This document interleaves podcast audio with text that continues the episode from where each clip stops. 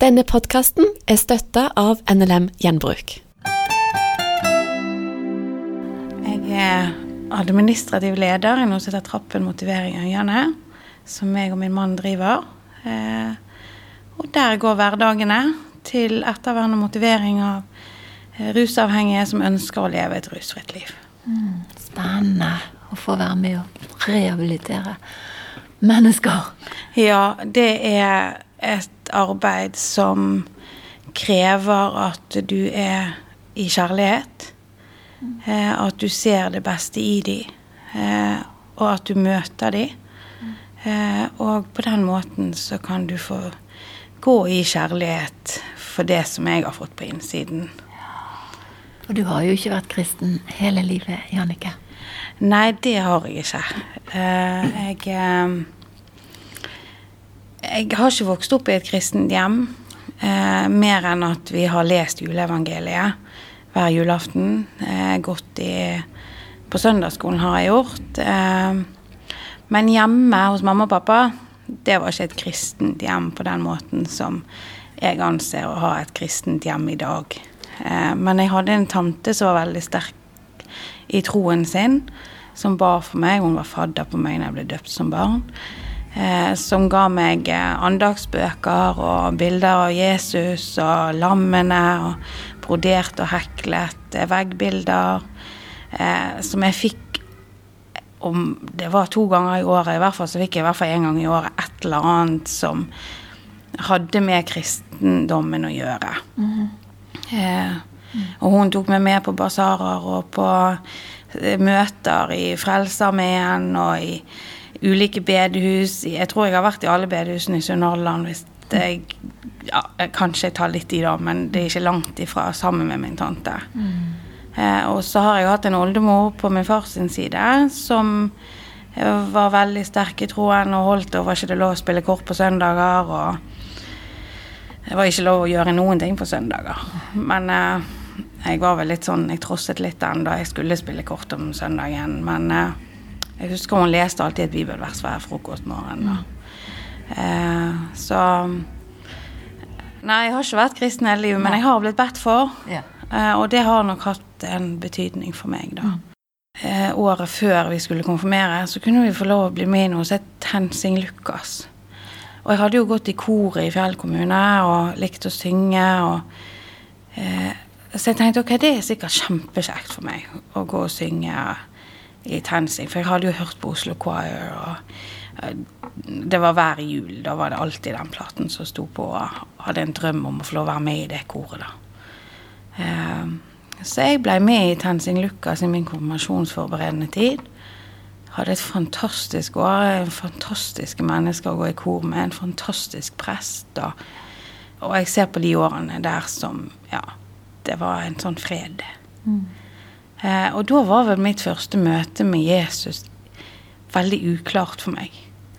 Selv om jeg fikk et sterkt møte med han en gang jeg skulle på øving, og det var mørkt ute, og det var vinter, og jeg trakka ut av bussen, og så blir jeg egentlig bare fanget av at korset lyser på kirken.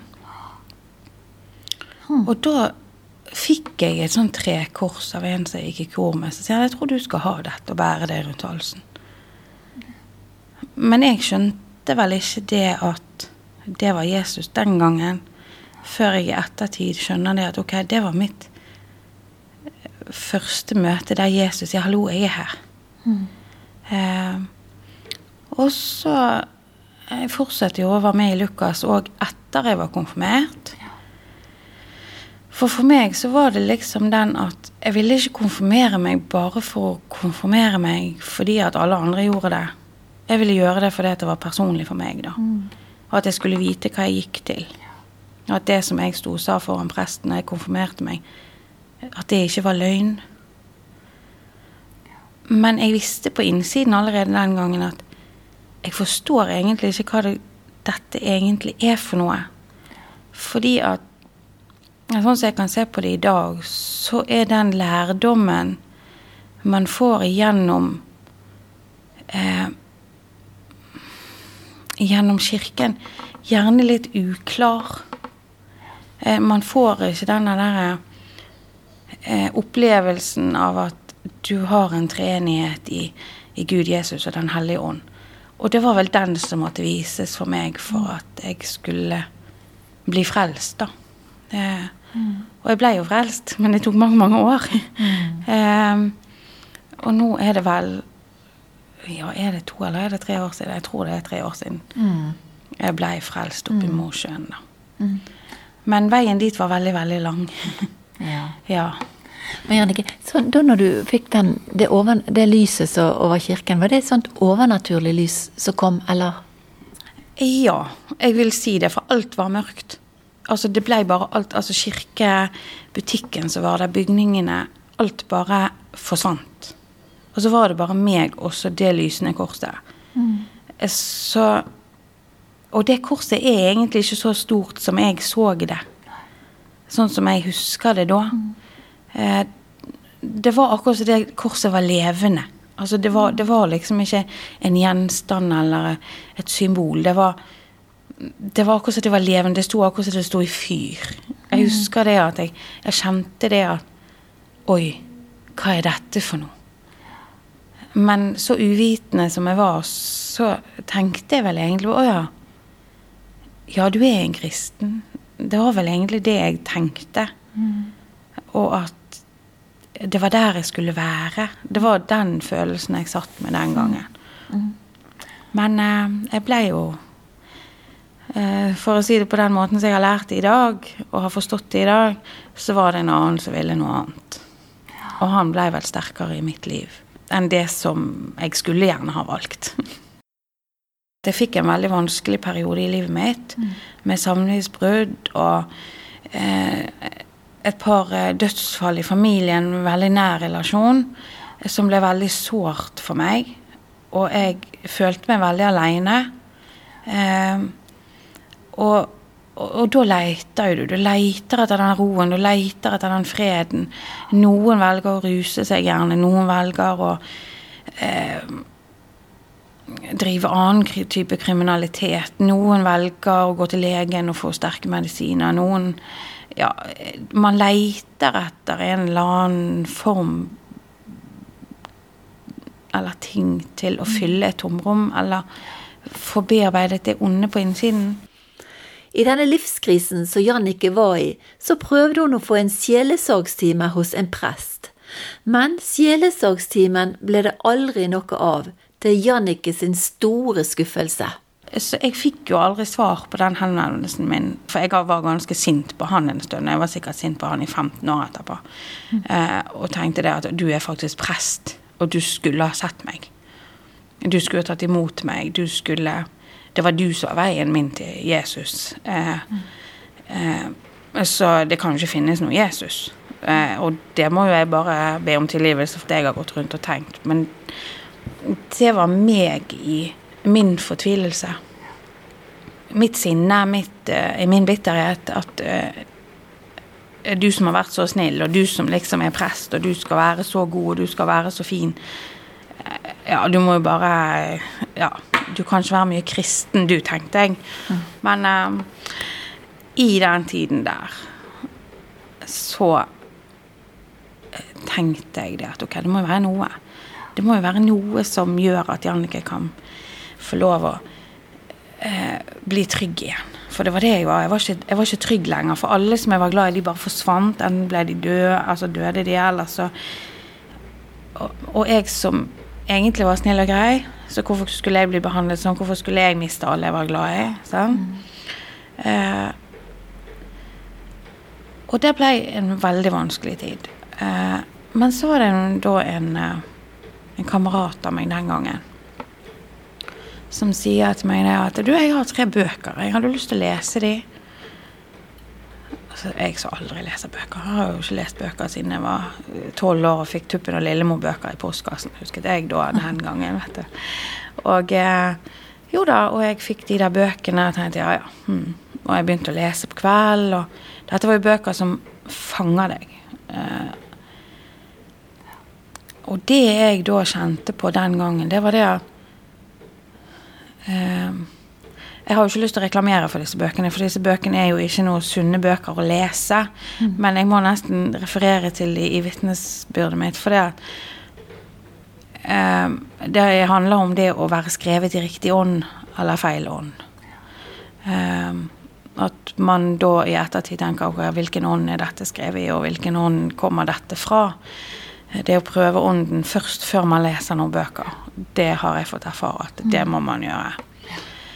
Eh, og dette er da en prest i USA, eller ja, ministry priest i USA, som utgir seg for å ha skrevet, hatt en samtale med Gud. Og disse bøkene heter 'Himmelske samtaler'. Og de fremlegges som om det skulle vært riktig lektyre for en som er kristen, da. Men eh, når du er ung og uvitende, så vet du egentlig ikke hva du leser, eller hva du fyller kroppen og sjelen din med, legemet ditt med. Så dette ble jo Jeg ble jo fanget i dette. Denne samtalen som han da har med, med Gud, som han sier da. Men sin Gud. Ja. Eh, og eh, det handler egentlig om der han spør eh, ja, hvorfor vinner naboen i Lotto og ikke jeg, og han får et svar, og det handler om rett og galt, og det handler om eh, Så han får veldig mange svar på disse menneskelige spørsmålene. Ja. På en måte så reddet de bøkene meg sikkert ifra depresjon og psykiske lidelser. Jeg tror det. At eh, ved at jeg fikk de bøkene, så hadde det, var det òg noe godt med de bøkene. Eh, eh, fordi at jeg kunne jo gjerne ha valgt å fått noen tabletter fra legen som gjorde at jeg ikke var så deprimert. sant? Eh, mm. Men disse bøkene hadde jeg nok behov for å lese for å unngå den veien, da. Men disse tre bøkene de endte jo med at jeg havnet inn i noe som alternativt. Eh, som igjen bygde på seg. Eh, Bøkene i seg sjøl var gjerne bare barnemat eh, til å begynne med. Eh, men eh, så drar man gjerne på noen alternative messer, f.eks. Man oppsøker alternative lektyrer som yoga, som healing, til krystaller, til eh, Det er så mange Det er okkultisme. Eh, det, det, er så mange ting innenfor det alternative. Og det er ikke en av er bedre enn noen andre. Det er ikke det jeg eh, For alt er egentlig bare vondt.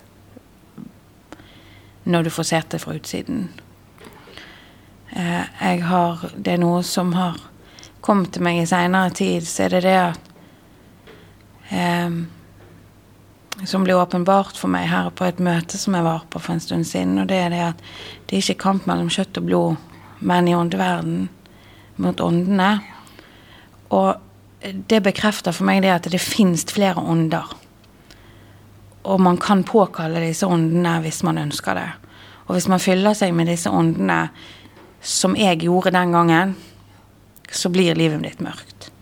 For du må søke Jesus først.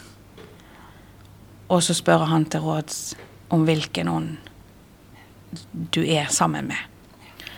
Eh, så veien min, den eh, Den ble inn i det alternativet. Jeg eh, begynte med tarot, og jeg begynte med mediumvirksomhet. Jeg tok aldri betalt for det. Men jeg var hjemme hos mennesker og var i husene deres for å oppsøke de eventuelle krefter eller ånder som måtte være der. Mm. Eh, og det kan være så som så. Den gangen så var jo det lett for meg, da. Eh, men dette er jo ikke noe som jeg kan si det at jeg har fått. For dette har jeg nok hatt med meg helt siden jeg var liten. Jannicke, ble mer og mer opptatt av den okkulte og mørke åndelige virkeligheten som Bibelen advarer oss mot å ha kontakt med. Og hun var med i mange såkalte okkulte seanser, der man søker direkte kontakt med ånder. Og på en av disse her seansene, som ble ledet av en utenlandsk mann, så viste det seg et ondt vesen for Jannicke, som skremte hun veldig. Eh, og så sitter vi der da i en eh, meditasjonssirkel, eh, og så er det noe som heter å tre inn i en ånd. Altså du, du, du snakker ånd, stemme. Um, og dette skulle da denne her personen da gjennomføre, da. Uh, hvilket Hvilket ord de bruker på det i dag, det er jeg jo ikke helt sikker på. Men vi satt nå der i denne her sirkelen, og det var mørkt og lys tent. Og eh, han sitter der, og så påkaller han en ånd for at ånden skal fortale. Og så går han rundt i sirkel, da, fordi at det er noe I den det der så er det noe som heter hjelpere, og det er noe som heter skytsengler, og det er veiledere, og det, dette er ånder som du har med deg, eller engler du har med deg.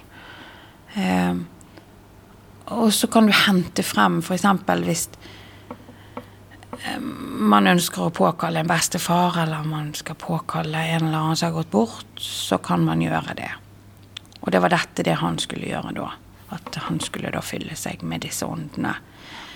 Lite visste jeg da at jeg skulle bli så skremt at jeg aldri ville ha noen ting med å gjøre det okkulte, og hvor farlig det faktisk er å være der.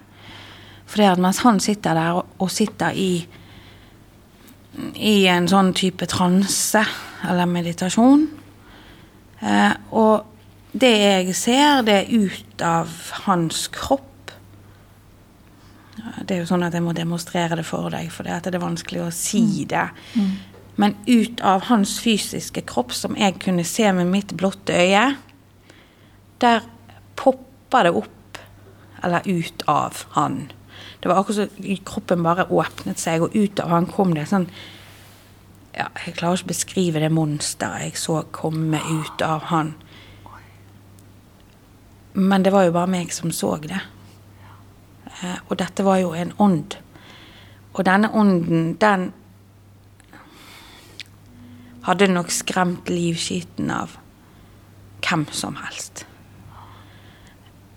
Og jeg, i min I mine tenker i dag, så var nok dette en ond, mørk ånd som ikke ville noen ting godt. Denne ville bare skremme, og denne ville bare ondt. Eh, men det det gjorde med meg, det var det at jeg reiser meg, og så går jeg ut, og så sa jeg aldri mer. Eh, og dette var jo noen år Jeg hadde vel vært i det okkulte kanskje tre-fire år, tror jeg. Og jeg var vel en 25-26 den gangen når dette skjedde. Og eh, jeg tenkte aldri mer. Jeg skal aldri lese i tarot, jeg skal aldri spå i tarot, jeg skal aldri gå inn i et hus. Jeg skal aldri, i hvert fall aldri gå på noen seanse der mennesker er fylt med sånne typer ånder, for det, det, det bare skremmer meg. Jeg ble livredd. Men etter en del år fikk Jannicke på en forunderlig måte kontakt med en gammel bekjent på Facebook og hun ble motvillig med han på et kristent møte i Mosjøen. Og da taleren på slutten av møtet innbød til frelse at de skulle komme frem, de som ønsket å ta imot Jesus, så skjedde det noe helt spesielt med Jannicke. Og Andreas Hasselhaug, han sier akkurat hva han sa, men han sier noe sånn Dersom du ønsker å be Jesus velkommen i hjertet ditt, og la han få lov å bo i deg, så skal du reise hånden din. Og før han var ferdig å si det der, der, så var min hånd i været. Og det var ikke av min kraft. Mm. Det var av en kraft som jeg ikke kunne beskrive der og da. Mm. Eh, og hånden min går i været, og jeg sitter en halv meter over stolen og svever og rister og griner og svetter, og tårene triller, og jeg blir Altså, jeg får en sånn strøm ifra oven som er til bare meg. Og det var det jeg kjente. Og i det øyeblikket der så sier jeg OK, Jesus, du skal få lov å komme inn. Og siden så har eh, jeg valgt å gå med Jesus. Eh, og eh, for de menneskene som sitter der ute og tviler på om det fins noe mellom himmel og jord Ja, det gjør det. Men det fins bare én ting som er godt. Og det er Gud, Jesus og Den hellige ånd. Altså, du kom Du var inni, langt inni et, et mørke. Og, så du rett og slett fikk kontakt med hadde kontakt med åndeverden. Du så ånder. Du, du, og du drev også medium og, og renset hus òg for onde ånder? Eh, ja, det gjorde jeg. De suger kraften ut av deg, de suger eh, livsgnisten ut av deg. Du har ikke lyst til å stå opp om morgenen, du har ikke lyst til å, ikke lyst til å smile, du får ikke sove om natten, du blir mørkredd. Du, du, blir sånn unaturlig redd for ting som du egentlig ikke trenger å være redd for. Ja, og Bibelen advarer jo veldig sterkt mot det. Vi skal ikke søke disse kreftene her. Efesene 6, 10 f.eks. Det står jo masse om eh, vi har ikke kamp mot kjøtt og blod, men mot makter og myndigheter. Mot ondskapens ånde her i himmelrommet. Ja, du, du, kan bli Du kan bli spist opp fra innsiden hvis du bærer med deg en mørkets ånd. Mm. Eh, for det står det at det, det er en kamp der som vi ikke ser. Det er mange grunner til at folk trives som frivillige medarbeidere på NLM Gjenbruk. Her har de meningsfullt arbeid, og de får god kontakt med andre. Alle våre butikker har en lun krok. Her tilbys våre medarbeidere kaffe, vafler og en avslappet prat, også med kunder. NLM Gjenbruk ønsker flere medarbeidere til et hyggelig fellesskap. Velkommen til å ta kontakt. Finn din nærmeste butikk på nlmgjenbruk.no. Velkommen til oss. Du har lyttet til en podkast fra Petro. Du finner flere podkaster og nettradioen vår på petro.no.